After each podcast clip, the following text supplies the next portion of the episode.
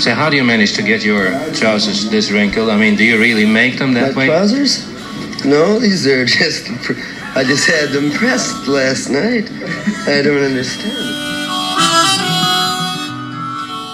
Ja, välkomna till Vi snackar Dylan och ännu ett avsnitt och idag så ska vi träffa Per Magnus Johansson ifrån Göteborg. Välkommen Per Magnus till ett samtal. Tack så mycket. Jag kastar mig in direkt och frågar dig, hur kom du in på Bob Dylan? Jag skulle vilja säga att det finns två svar på den frågan. Det ena svaret är när jag var väldigt ung eh, så lyssnade jag på, på Dylan, alltså så tidigt som 1963 mm, och 64. Eh, The Times They Are Changing och Bring It All Back Home lyssnade jag på som väldigt ung tonåring, liksom Highway 61 Revisited.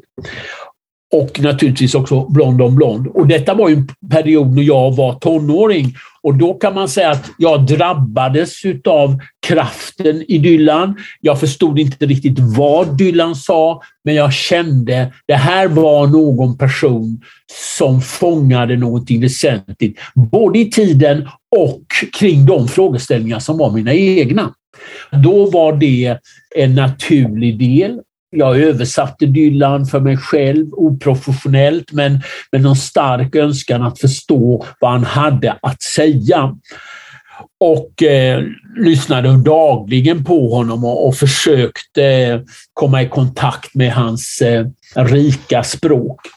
Sedan, och det skulle jag vilja säga är anledningen till att jag är fortfarande fast vid Dylan och, och håller på med Dylan och tycker att Dylan är så viktig. Det sammanhänger med att jag, precis som du Magnus, har från början en psykologutbildning. Och det här intresset för att förstå en annan människa, lyssna till en annan människa, där kände jag att det psykologiska, eh, den psykologiska diskursen, de psykologiska begreppen, de psykologiska termerna fångade bara till viss del eh, den komplicerade och gåtfulla människan. Jag ville ha en kontakt med det litterära språket, med poesin, med filosofin och idéhistorien som ju senare blev en viktig del i mitt liv. Och då uppfattade jag att Dylan var en person som fångade någonting som den psykologiska, psykoterapeutiska och den psykoanalytiska diskursen inte gjorde. Därför blev Dylan en naturlig fortsättning som började tidigt men som är med mig och har varit med mig ända fram till dags dato. Okej, vi ska gräva lite grann och se om vi får ut någonting. Den låt som vi har valt idag heter Tight Connection to My Heart och vi kommer tillbaks till den. Men eh, jag kanske ska beskriva lite var vi befinner oss. Vi är i den freudianska föreningen Arkes lokaler som också är arbetslokal för Per Magnus Johansson. Här finns det mycket som påminner om Freud. Till exempel i en bred fönsternisch så ser jag en stor samling små statyetter. Från golv till tak är det bokhyllor som vittnar om en encyklopedisk beläsenhet. Två Dylan-porträtt. Det ena, en rödmetallglänsande sak fylld med cirklar i cirklar som för tankarna till hans mest hallucinatoriska texter. Det andra en bistrare bild i svartvitt. Däremellan ser jag små porträtt av André Breton, Paul Eloire, Jean Cocteau som för tankarna till Bert Magnus djupa förtrogenhet med den franska kulturen. Och längs en vägg i ett annat rum en divan. En klassisk Freud-divan. Och där kan man lägga sig och, för att minnas, för att berätta, för att lyssna och för att glömma.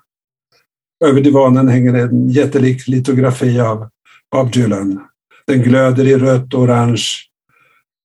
Man ser mellan rader av byggnader som vittnar om liv, storhet och förfall. Där löper ett järnvägsspår som ser ut att sluta i oändligheten.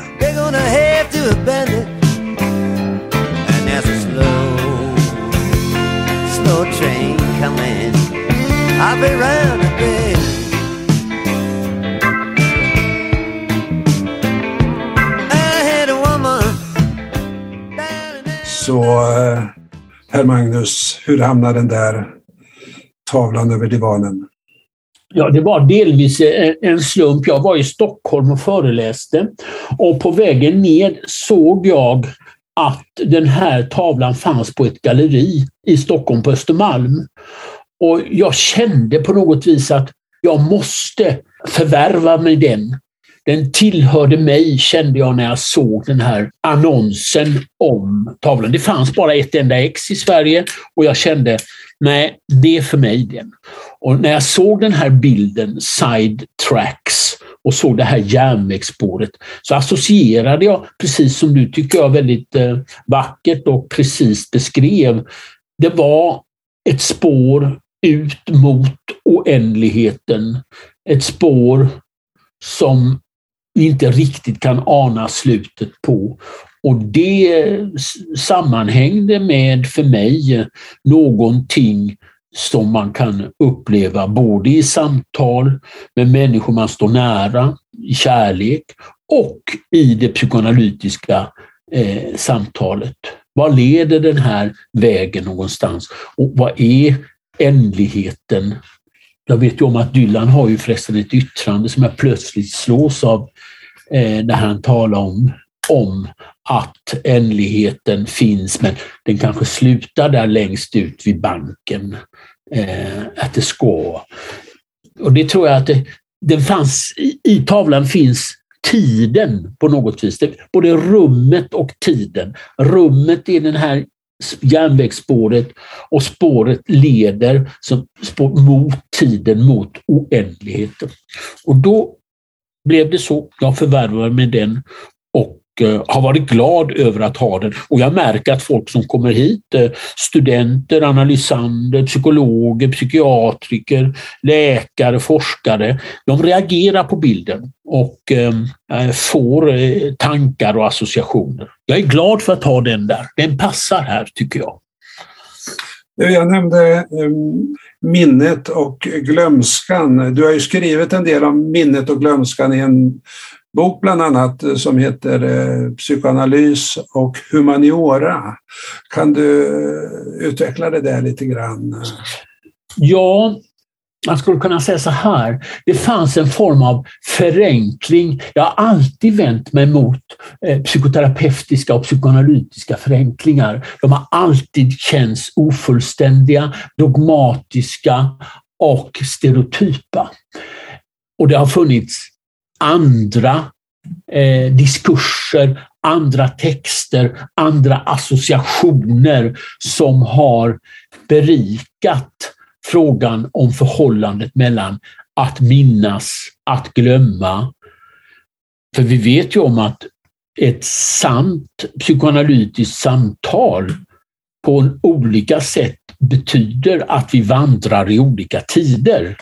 Dåtid, nutid och framtid. Och eh, jag skrev en text eh, där jag ju går igenom lite olika författare, bland annat eh, Gunnar Ekelöf, alltså den svenska poeten Gunnar Ekelöf, Erik Lindegren, Mannen utan väg, Picasso och den mm, förnämliga psykoanalytikern Sabina Spielrein som mördades av Nazityskland och hennes bror mördades av Stalin, judinna, som har skrivit om eh, minnet och förstörelsen och kraften mot att skydda sig mot förstörelsedriften och dödsdriften.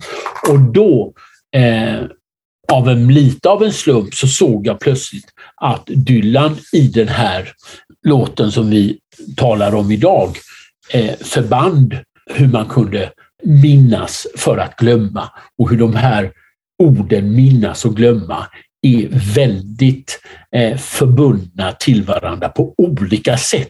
Man kan faktiskt försöka minnas för att glömma istället för den här mer stereotypa förutsättningen att man glömmer, tränger bort och att det här återkallandet av minnet det blir mer av ett schema. Men man kan faktiskt också, som Dylan säger, minnas för att det finns ett inre behov av att inte bli bitter, att inte fastna, att inte idissla, utan att hitta det här fria rummet där man kan existera. Det, det, det påminner ju en del om Marcel Prousts stora arbete på spaning efter en tid som flytt. Och alla vet ju där att det handlar väldigt mycket om att minnas, att återskapa barndom. Men, men man glömmer bort så att säga att eh, i de senare delarna så handlar det lika mycket om att glömma, alltså. att, att göra sig fri från det här upprepandet utav, utav det gamla. Så det, det knyter an till det du säger tycker jag. Ja. Jag kan Ja. läsa upp de här eh, raderna eh, Ja, ur sången, ur första versen. Då, då sjunger han så här. I'll go along with the charade until I can think my way out. I know it was all a big joke, whatever it was all about. Someday maybe I'll remember to forget. Someday I may be remember to forget. Det är, ju, det är ju underbart vackert. Det fanns ett yttrande jag läste. Jag läste lite text av Dylan och om och av Dylan när jag visste om att du och jag skulle prata med varandra. Och det finns ett, ett yttrande som jag, som jag vet om är ganska vanligt citerat och som naturligtvis knyter an till eh, våra tanketraditioner också.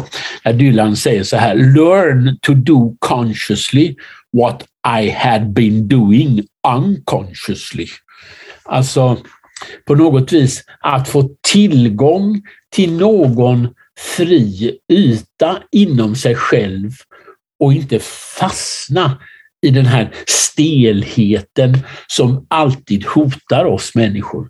Kreativiteten och, och, och förmågan att förbinda sig handlar också om en form av frihet, en inre frihet och att den förutsätter en viss förmåga till glömska och att kunna vara här och nu. Den här närvaron förutsätter att man kan eh, glömma.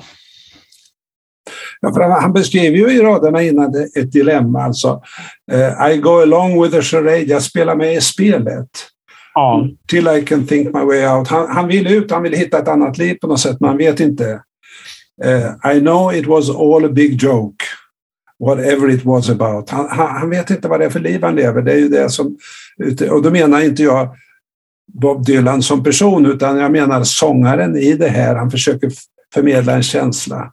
Och så kommer Absolut. det, someday maybe I'll remember to forget. Som en, absolut. det är glöm, glömskan som är en väg till frihet på något sätt. Och det, ja, absolut, jag håller helt med. Och, och att han vet också om, och det är precis som du säger, det har ju ingenting med Dylan som person att göra. Psykologiserandet av Dylan blir bara fel, där man hamnar fel där. Han, han formulerar ju någonting som präglar människans villkor. Och en av de sakerna är ju att ibland fastnar vi i någonting som vi vet om. Vi vet om att vi är fast och som i hans fall så är det väl kan man säga en etik till att försöka hitta någonting bortom den här uppstakade eh, vägen och hitta istället en annan väg. Sidetracks. Ett sidospår. Ja. Ett sidospår. Det, fin- det finns ju en, en, en fin bok av Dylan som Ola Holmgren har skrivit som heter Stickspår. Och jag tror att det är hans översättning på Sidetracks också där han, han tar några låtar och beskriver i, ganska noggrant om som på något sätt Dylan har satt åt sidan när han har pu- publicerat album. Ja. Men du, Det är eh, också fantastiskt med Dylan, alltså, tycker jag. Han är sångare, han är musiker, han är poet, han är författare, han är tecknare, han är målare, han är filmskapare, han eh, gör reklam för en bilindustri. Han, han, har, han har många strängar på sin lyra. Och som har, liksom- har du sett det senaste, det kom upp på, på nätet nu senaste dagarna, eh, en stort konstnärligt verk som är i form av en, järnväg, en järnvägsvagn. Apropå din eh, litografi, Ja. en järnvägsvagn som står på ett järnvägsspår och sen är det, har han smitt ungefär som de där grindarna han håller på och smider. Stort och det står som en stor eh, skulptur i en park i Frankrike just nu. Ja, den har jag inte sett, nej. Den ska jag eh, slå upp efter vi har talat färdigt. Nu, eh, jag vill kolla upp den titeln, för den tycker jag är knepig. Tight connection to my heart. Och sen en parentes, has anybody, anyone seen my love? Den är uppbyggd så den sången att det är vers och så kommer den här refrängen hela tiden. Has anyone eller anybody seen my love? Mm. Vad är det här? Mitt förhållande till Dylan är ju en eh, amatörsförhållande. Jag är en person som har i amatör i ordets franska mening eh, alltså älskat eh, Dylan och älskar Dylan. Jag har ju skrivit vetenskapliga texter inom idé och lärdomshistoria, disputerat i idé och lärdomshistoria, sysslat med psykoanalysens och psykoterapins historia. Men Dylan har jag aldrig skrivit något vetenskapligt verk om, utan jag har ju då eh, förbundit honom i en av mina texter kring minne och glömska som du riktigt pekar ut. Och när man tittar på mer till exempel litteraturvetenskapliga texter eh, om Dylan så alltså, finns det ju ett antal influenser. Och två av dem känner jag ju lite bättre till och det är Rameau, Arthur Rimbaud och Verlaine, de franska poeterna. Och jag tycker att det finns spår av dessa i den här texten. Det finns någonting surrealistiskt över att tight connection to my heart. Has anybody seen my love? Alltså att å ena sidan peka ut den här närheten och å andra sidan med en stark kör som sjunger ut dessa ord utan att de har något sorgligt över sig. Och jag tror egentligen att Has anybody seen my love inte ska tolkas som att det är en enskild människa utan det är ett rop efter Finns kärleken? Kan jag älska någon människa? Finns det någon att älska? Det är inte som i Sarah som handlar om Sarah och Sarah Lones, utan detta är Has anybody seen my love? Det är, inte en, en, det är ingen person som bär ett namn, utan det är my love. Och jag tror att det är en generell eh, frågeställning kring förmågan och möjligheten att älska och att bli älskad. Det, det tycker jag är, är starkt. Alltså. Ja, och, och, och så, så, många av Dylans låtar så innehåller de ju motsättningar som, som gör att man ibland kastas hit och dit men samtidigt får en, en rätt stor frihet att förhålla sig i det rum som man skapar. Alltså man tar första raderna här. Well, I had to move fast and I couldn't with you around my neck. Mm. Alltså det är som att han, det, det, det är för, allt för tajt för honom. Han, han måste göra sig fri från henne, eller vem det nu är, och, och, och, och för att kunna göra det han ska. Eh, och så kommer det senare då. I'm gonna get my coat. I feel the breath of a storm. Alltså det, det, det blir kallt. Det ska storma. Han måste göra någonting. There's something I gotta do tonight. Så kommer det. You go inside en stay warm. Där, där är det helt motsatt. Alltså de, han vill inte bli av med henne, men han vill beskydda henne för det är någonting han måste göra, vad det nu är. Mm. Det, det, det tycker jag det du säger och det du citerar påminner om det jag sa, nämligen att det handlar om kärleken och kärlekens villkor. Ibland kan någon kväva Alltså den är runt ens hals som gör att man får andnöd. Kärleken skapar andnöd. Och ibland uppträder den älskande på platsen av att jag måste skydda dig. Du behöver skydd. Det blir kallt. Det behövs värme. Och båda de här aspekterna finns. Alltså kärleken är ju som, som vi vet om, det är ju en mycket mycket mångfacetterad eh, historia. Det är mycket ett mycket mångfacetterat fenomen som innehåller högsta graden av frihet högsta graden av styrka, närhet, erotik. Men det kan också innebära att det blir ofritt, instängt, kvävande och som man säger på, på psykoanalytiska incestuöst, det vill säga för nära, för kvävande och ofritt. Och jag tror att den här låten handlar om flera aspekter av kärleken och, och därför blir den inte vare sig väldigt negativ eller väldigt positiv i förhållande till kärleken, om vi ska använda sådana uttryck.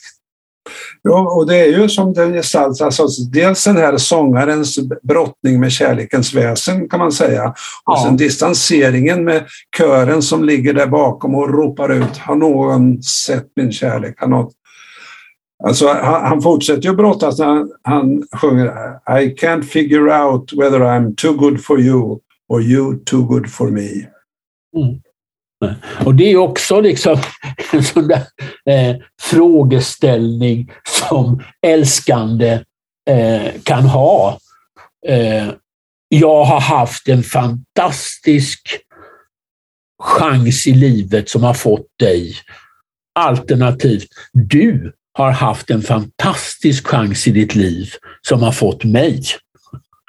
Och det där kan ju cirkulera Eh, det där kan cirkulera och man kan inta både den ena och den andra platsen. Och han vet inte vilket han ska ta, vilken plats han ska ta, vilken sluttanken blir. Och så kommer slutraderna som är, jag vet inte hur du uppfattar dem, men det är så här Never could learn to drink that blood and call it wine, vilket ju är lite är typiskt Dylan. Han vänder, vänder saker och ting istället för det så att säga kristna mysteriet med, med eh, blodet som blir vin och så vidare så, så, så vänder han på det. Men så kommer de här raderna. Never could learn to hold you baby and call you mine. Alltså never.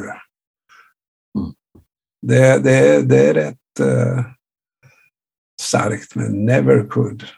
Ja, det är starkt. Och det är klart att kärleken ställer till syvende och sist alltid frågan om huruvida det possessiva pronomenet är möjligt att använda och på vilket sätt man kan använda det. På vilket sätt eh, det possessiva pronomenet bär min, du är min, min, jag är din, din man, din kvinna, din älskande, din vad det nu är för någonting. Ja, ja men det, det var en helt ny tanke för mig, Per Magnus. Alltså, istället för det, det tragiska Never could learn to call you mine, så, så I have learned to never call you mine. Alltså jag, äntligen har jag förstått att jag kan inte äga det. Det, var, det var ju en fantastisk ny bild tycker jag.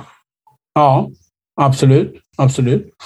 Men det det och det, återigen tycker jag Magnus att vi kommer tillbaka till den här att det verkligen är en eh, rambosk text om kärlekens essens och komplexitet. Där har vi återigen, skulle jag vilja säga, Dylans enorma styrka. Att kunna, kunna, kunna exponera en sådan en fundamental frågeställning för oss. Det, det, som händer med Dylan är ju också att han framför sina sånger på olika sätt och på det sättet förvandlas de. Den här sången hör ju inte till dem som han har sjungit ofta, bara 14 gånger från scen mellan 1990 och 1993. Han spelade in den på skiva 1983 till Infidels, men den fick inte plats på det albumet. Det kom den 85. Ja, men sen kom den på Empire Burlesque 1985 då. Ja. Så, så han spelade in den redan 1983, satte den åt ja, sidan. Ja. Sen är den med på Empire Burlesque och, och där står den som första spår va? och är ju en magnifik inspelning. Men sen så stoppar han undan den igen och börjar inte sjunga den på scen förrän 1993. Och så kommer 1900, eller 1990, sen kommer 1993 då de här Supper Club Sessions som är några slags inspelningar till MTV Unplugged eller liknande. Va? Det är en väldigt lågmäld, bara akustiska instrument, inte alls det där storslagna som på Empire Burlesque, utan mycket mer intimt och några få instrument. Och ingen kör heller, så på det sättet förvandlas låten. I go along with till I can think my way out. I know it was all a big dream, whatever it was all about. I learn to forgive. I'm gonna get my clothes. I feel a touch of a storm. There's something I gotta do tonight to go inside and see. Man kan ju säga så här att eh, han har ju ett sånt enormt låtmaterial så det är klart att han kan inte annat än att gå igenom olika faser i förhållande till sina olika låtar. Och några släpper han eh, och några återvänder han till och några släpper han och kommer tillbaka vid senare tillfällen. Och det tror jag det är en del i eh, en författares och en musiker, en sångares liv. Det är eh, nödvändigtvis på det sättet. Ja, i alla fall för Bob. Andra sångare de upprepar sig ju. Han gör ju inte det. Han skapar nytt hela tiden. Ja, det uppfattar jag också. Jag uppfattar absolut samma sak som du. Alltså han har ju en, en oerhörd kraft att förnya sig och går vidare. Och det har han gjort hela tiden. Och det finns ju den här mycket kända eh, situationen som jag vet om att eh, Steve Jobs pekade ut med någon form av beundran. Att han eh, trädde in i den elektriska musikvärlden efter att ha varit folksångare och folk eh, som lyssnade på honom hade en så stark kärlek till den icke-elektriska musiken musiken och han brydde sig inte det minsta om det utan han sa till och med spela ännu högre elektrisk musik. Och det gör, och detta gör han ju som 25-åring, 24-25 år gammal. Och det är klart att det finns någonting i denna eh, geniala person, för det, det, får man ändå liksom erkänna. Det, det är inte en rocksångare bland andra. Leonard Cohen sa en gång att eh, eh, när han fick Nobelpriset i litteratur så var det som att sätta upp ett plakat att Mount Everest var världens högsta berg. Alla visste om hans absoluta plats och att det var en självklarhet att han hade den platsen. Alltså jag tror att själv, trots all, allt det som finns skrivet om honom, kriser, eh, missbruk, både med det ena och det andra, också alkohol och inslag av stort psykiskt lidande. Så parallellt med det finns det hos honom av mycket begripliga skäl ett genuint bottenlöst självförtroende att våga gå sin egen väg. Och även när han är sökande, man har ju en kris där han går i, i, i, i kristen, när han tar sig an kristendomen och, och han har en annan kris när han tar sig an den judiska traditionen. Men han fortsätter och han fortsätter alltid. Det blir inget stopp i hans sätt att fortsätta att undersöka både sig själv och världen.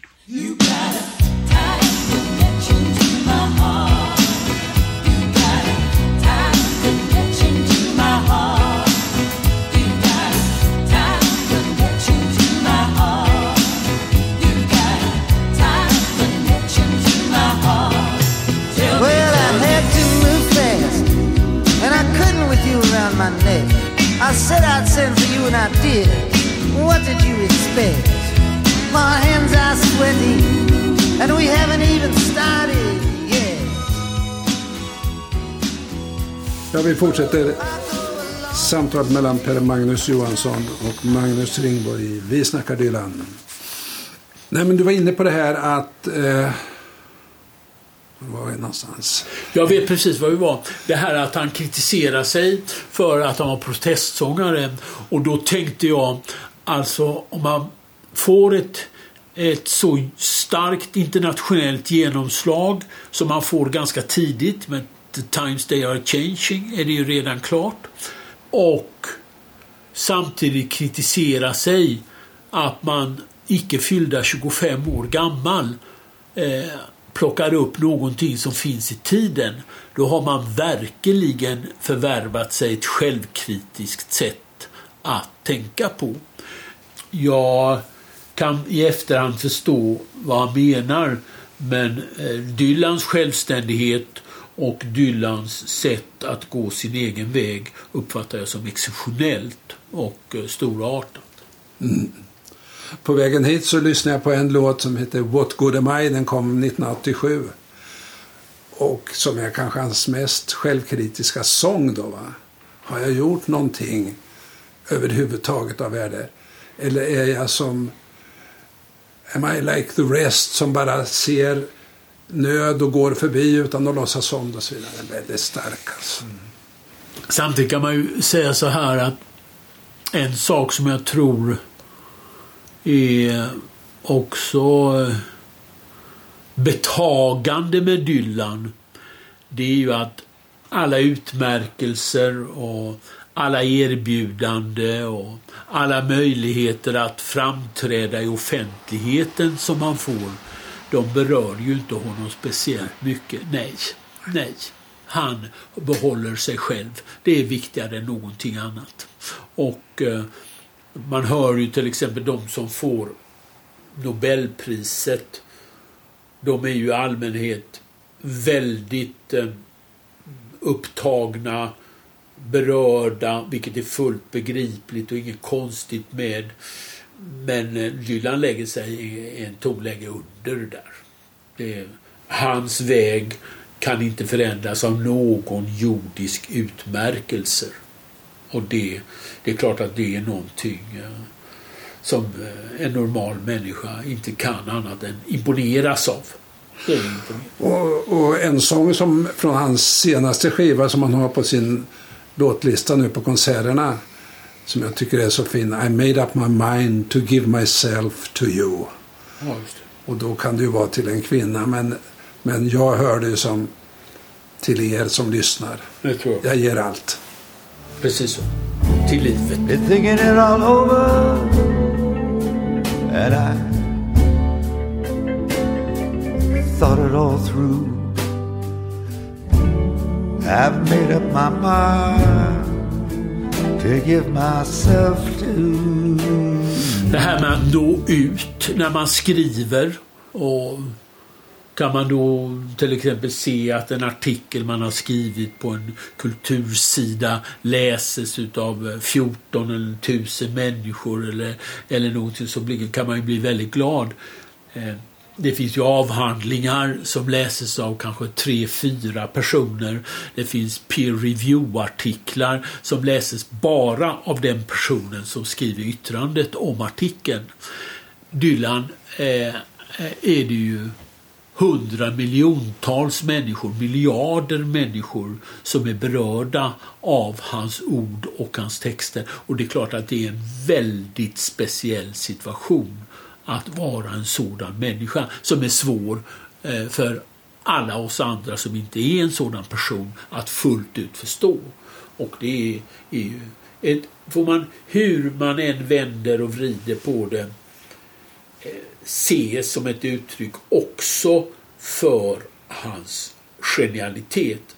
Jag lyssnade på bland annat eh, ditt program med Horace Engdahl Horace eh, säger ju en sak där som eh, absolut eh, håller med om och det är att han bryter upp någon, något nytt. Han bryter upp ny mark inom litteraturen och att det fanns ett motstånd som man ju kan eh, tar ta del av på olika sätt. Att han fick Nobelpriset i litteratur tror jag sammanhänger också med att han är ju på många sätt en pionjär. Det är en pionjär också, Bob Dylan. Och eh, det tar alltid tid att anpassa sig till ett nytt budskap som en pionjär förmedlar. Men en annan aspekt, vi sitter ju här i ett freudianskt rum och, och Freud han samlade ju han var ju så intresserad av arkeologi och lämningar från tidigare kulturer på samma sätt som en metafor för så att säga minnesspår och sådana saker hos individen. Men Dylan är ju också en slags arkeolog. Också i den här texten så finns det ju så mycket kulturhistoria. Här är det ju mycket av den här, vad ska man säga, film noir-epoken. Där han citerar Bogart, James Cagney och det är Riddarfalken från Malta. Här finns Puccini till exempel. Mm. Madame Butterfly, She Lulled Me To Sleep. Och så nästa rad kommer In a Town Without Pitney. Nej, Without Pity. Jag tänkte på Gene Pitney. Han, ja. han gjorde den In låten. Town Without Pity. Ja, just det. Men, men det är också en film från 1961 och så vidare. Så att här finns ju så mycket kulturhistoria i den här låten som han på något sätt påminner oss om. Ja. Finns Alltså, det- eh, Memphis in June, en eh, låt eh, med Hoagie Carmichael. Memphis in June, a shady veranda under Sunday blue sky.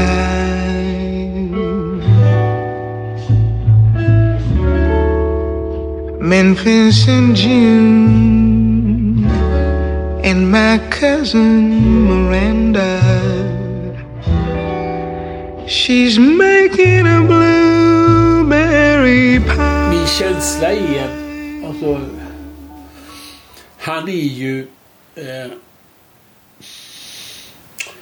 så, det är själva formen, den, Dylans form, det är ju som jag upplever det att förmedla spontant, osystematiskt, eh, utan direkta avsikter sina läserfarenheter och sina erfarenheter av texter i andra sammanhang.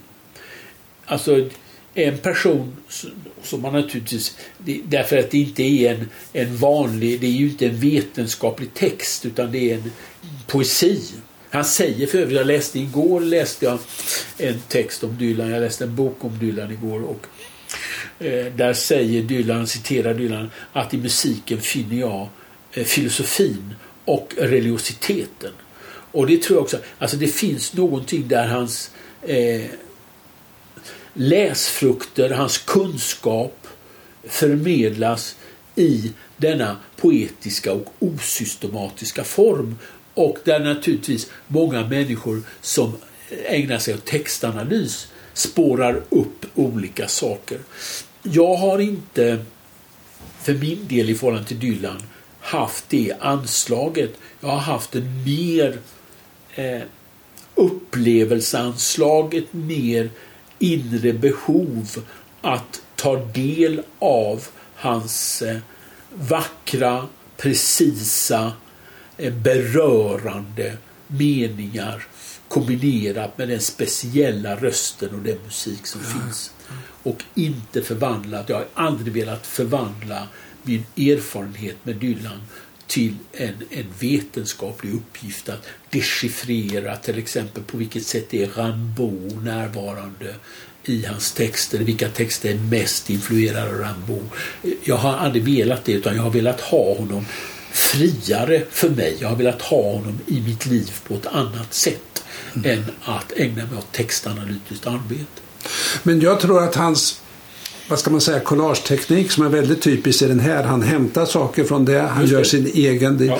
Men det, den friheten tuktar han i en sträng form. Alltså det är ju Absolut. musikaliteten, det är rimmen Absolut. och det är hans röst som håller samman alltihop detta. Alltså. Jag håller med dig precis. Jag tycker det är väl beskrivet. En collageteknik eh, som bearbetas, som eh, kultiveras, som perfektioneras eh, och som sammanförs i en form där rim, där rösten, där helheten bildas på ett djupt konstruktivt sätt. Men det hindrar inte att de här olika collagen, intrycken eh, från början måste ha liksom spritts ut och sedan bearbetats i den form som slutligen blir då Och det tycker jag är, är fantastiskt. Put it away, Hanley. Kid, I want to talk to you. Keep on playing. I said I want to talk to you. Well, go ahead and talk. My name's Whit McCord. That mean anything to you? How does it? Men man känner att man kan gå åt väldigt olika håll när man tar del utav hans texter och hans sång. Det liksom öppnar för olika... Man kan lyssna på eh, samma låt och komma i kontakt med väldigt olika saker. Jag tycker det finns en sak som jag också har tänkt generellt kring Dylan och det är möjligt att det också är en eh, vag idealisering men jag tycker bitterheten är väldigt frånvarande. Det är ingen bitter människa utan nej, nej. Besvikelse och svårigheter tar han sig över via språket och hamnar inte i bitterhet. Det finns en musical som heter Girl from the North Country som jag återkommer till i den här podden. Eh, och där finns den här låten med Tight Connection to My Heart. Och den sjungs i London-uppsättningen av Sheila Atom. Fantastiskt! Har du hört den? Nej. Ja, den finns på, på Youtube. Jag kan verkligen rekommendera Ja, den till ja. alla lyssnare. Och då gör hon den till en helt annan låt. Helt förbluffande. Är det samma låt? Okej, det är inte så enkelt som att den här handlar om vilsenhet, men i alla fall det, det, det Men när hon ställer sig, en fattig eh, hittebarn, adopterad, övergiven, svart, gravid kvinna som på något, något sätt står ensam i världen, vart ska jag ta vägen? Och sjunger den här rätt ut. Well, I had to move fast, and I couldn't with you around my neck. You said you'd send for him, and you did. Och det är hon. Och det är en helt annan sång. Ja. Det kan jag tänka mig. Jag tänkte på en annan passage här, Magnus, som jag tycker är väldigt intressant. Som också är ett sånt där ställe som jag såg att någon kritiker lyft fram inte kommer enbart från honom själv utan han inspirerats också utav Bogart. You want to talk to me. Go ahead and talk. Whatever you got to say to me. Alltså, det är ju, skulle man kunna säga om man vill, det är ju en definition på Freuds fria associationer. Ja, ja visst det bra. You wanna talk to me? Ja, Go ahead and talk. Go ahead and talk. Talk to me. Say whatever you want. Eh, och det, det, Ja, men det här sista som du hoppade över. Whatever you gotta say to me won't come as any shock. just det. Alltså analytikern Ja, absolut. tål ju vad som helst. Absolut. De jävligaste en jämnt fantasier. svävande lyssnande, en jämnt svävande uppmärksamhet innebär att jag kommer inte bli chockerad. Utan jag kommer ta emot dig. Jag lyssnar med en jämnt svävande uppmärksamhet. Mitt lyssnande kommer att vara där i din tjänst. Tala, tala om allt du vill. Go ahead, talk. Och så, och så kommer den här analysanden säger I must be guilty of something. Ja. Och så svarar analysen You just whisper it in my ear.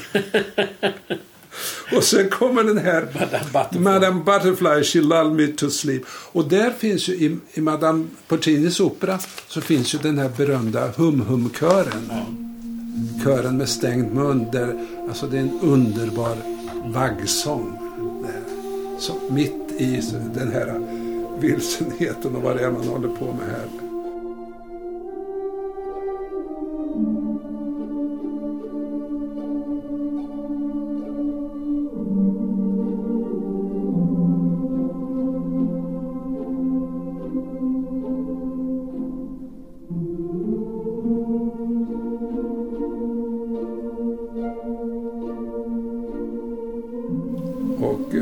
Likadant så kommer den här Memphis in June som är också en väldigt vacker och mjuk jazzlåt. Mitt i det här äh, våldet som också kommer. Well, they're beating the devil out of a guy who's wearing a powder blue wig. Later he'll be shot for resisting arrest. Så man, man kastas från det ena till det andra. Ja. Från det mjuka till det Ja, våldsamma. det, det, Och sen, och sen det här som också är en sån där eh, filmreplik som inte Bogart den här gången utan Gary Cooper tror jag. What looks large from a distance, close up ain't never that big. Och då läste jag någon eh, i kommentarerna som man kan hitta på nätet så är det någon som, som säger det där var så himla bra tycker han personligen. För du vet, jag kör boxerbåt. Och den är ju rätt liten och så kör jag mot de där jättetankerna. Och jag blir ju livrädd. Ska jag boxera en sån här stor båt? Och så kör jag närmare så ser jag att de är inte så stora. Nej. Så han tyrar den. Alltså det, det som jag upplever också, till exempel de här eh, fraserna och partierna som vi talar om. Det är att Dylans formuleringar å ena sidan lyfter alltid bort från det konkreta och andra sidan är möjliga att tillämpa på det konkreta. Som den här lyssnaren med boxeringsbåten. Men man känner också att eh, om man är känslig för texter att det är på gungfly man läser hans texter. Vad, vad är det han menar? Är det till exempel fullt meningsfullt att tolka dem? Och det får mig att tänka på en annan sak. När jag säger det, för att tänka på hans inspiration från Andy Warhol. Eh, Andy eh, är ju någon form av eh, motståndare till den eh, distinktion som har kännetecknat kan man säga eh, den hermeneutiska traditionen och som kännetecknar eh, både författare som Nietzsche, Marx, Marx, Nietzsche och Freud att man gör en skillnad mellan manifest och latent och att eh, bakom det manifesta finns det latenta och för att komma i kontakt med det latenta, det vill säga det sanna, eh, eh den sanna innebörden måste man ägna sig åt tolkning och eh, väl, de här aktiviteterna blir då en tolkningsvetenskap. Och ibland har jag en känsla av att Dylan befriar oss lite ifrån tolkningsregistret vi blir istället mottagare av någonting som eh, i vissa avseenden är fritt från tolkningsmöjligheter. På samma sätt som, som eh, Warhol eh, absolut inte vill att saker och ting ska tolkas. Utan det är det det är. Och därför svarar ju också eh, Dylan ibland som om man skulle tala vanlig svenska eh, betyder goddag yxskaft. Han svarar inte på frågorna. Han svarar någon annanstans. Han ger ett annat svar. Ja. Detta är mitt svar. Eh, jag sa han skulle fråga om, om, om, om, olika låtar. Då sa han de var tre minuter, fem minuter och sju minuter. Ja, han, han har ju, I någon annan låt så har han ju Research has gone berserk. Too much paperwork. Ja, just det. Alltså, han avfärdar rätt mycket ja. där. där. Ja. Uh, vi ska se. Eller det här då, som finns i den här låten. Be easy baby, there ain't nothing worth stealing in here. Det finns ingenting under ytan ungefär. Nej. There's nothing worth stealing in here. Du, ska vi säga lite igen om den där? Vi kan gå in och titta på divanen och den här uh, järnvägsspåret. Och får du förklara för mig vad, vad betyder det? Jag hade ingen tanke utan det var den här galleristen från Stockholm som kom ner, satte upp den och då sa han här ska den vara. Eh, och då såg han min divan och så såg han den. När folk ser den här eh, så först frågar de vem de är, någon som känner till det och så ser de Bob Dylan ja, ja. skriven där ja, för hand. Och då tror jag liksom att de tänker sig att de är på en resa och att de här side tracks för dem mot någonstans. Jag minns när jag först när den här galleristen eh, i Stockholm kom hit och satte upp den. Jag kände liksom att den här tavlan kommer vara här så länge jag lever. Jag vill vara med den tavlan. Jag vill vara, jag vill vila i, på det järnvägsspåret. Eh, det är viktigt för mig att det är där. Eh, det är någon resa ut i oändligheten och som någonstans tar slut där. Jag älskar tavlan. Jag älskar det. Och jag älskar Bob Dylan. Tack ska du ha. Vi hörs igen.